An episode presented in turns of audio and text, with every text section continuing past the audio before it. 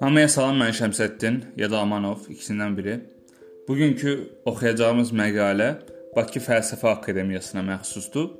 Həyat onu yaşamaq zəhmətinə dəyərmi? Araz Əliyev 1 aprel 2021. Başlayaq. Həqiqətən önəmli olan tək bir fəlsəfi problem vardır. İntihar. Həyatın yaşamağa dəyər olub olmadığı məsələsində bir qərar vermək fəlsəfənin bu təməl probleminə cavab verməkdir. Albert Camus. Albert Camus insan həyatının mənasını axtaran və nəticədə bu axtarışların əbəs və boş olduğunu düşünən Əlcəzair əsilli fransız filosofudur. Eyni ilə filosof həmkarları Jean-Paul Sartre, Simone de Beauvoir kimi Camus da həyatın əvvəlcədən müəyyən olunmuş bir mənasının olduğuna inanmırdı. Kimsə bizi hər hansı vacib amalı yerinə yetirmək üçün dünyaya gətirməmişdi. Mövcudluğumuzun xüsusi bir səbəbi yox idi. Dünyadakı milyonlarla insandan biri idik və eyni ilə onlar kimi doğulmuşduq. Yenə onlar kimi enişli yoxuşlu bir həyat yaşayacaqdıq. Başımıza nə gələcəyini, kim olacağımızı, kiminlə evlənəcəyimizi, karyera və ölüm səbəbimizi heç vaxt bilmək imkanımız olmayacaqdı. Lakin Camus da digər həmkarları kimi davamlı olaraq dəyişən həyatda bizdən asılı olan bir şeylərin olduğuna inanırdı. Hər zaman seçim qarşısında qalmaq və seçməkdə heç vaxt olmadığımız qədər azad olmaq.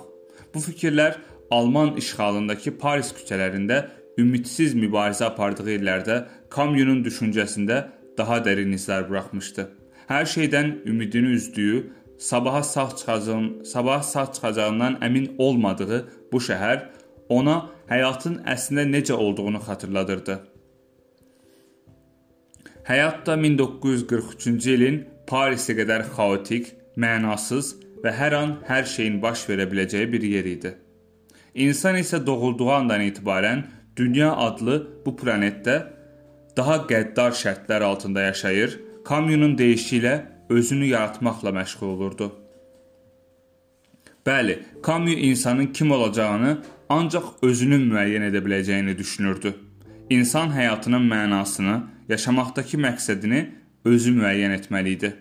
Həyat hər anımızda qarşımıza çıxan və seçim etməyə məcbur olduğumuz, daha sonra seçimlərimizin məsuliyyətinə məhkum olduğumuz hadisələr ardıcılığı idi.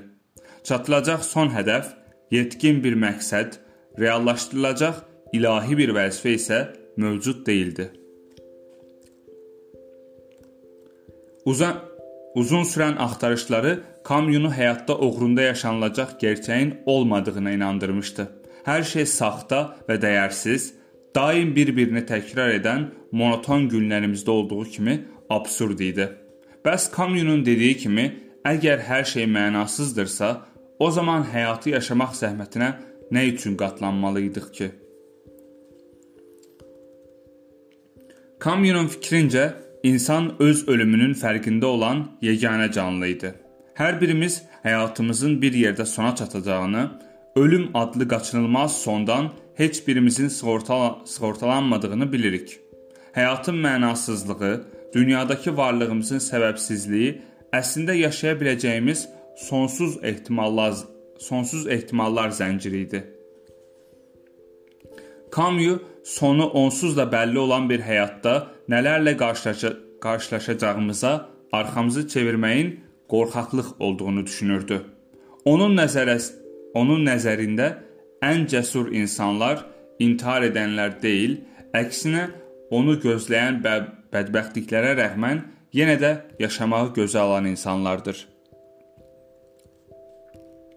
Camus'un təklif etdiyi seçim həyat mənasız olsa, və məğlubiyyət, ümidsizlik daim təkrarlansa belə yenə də yaşamağa davam etməkdir.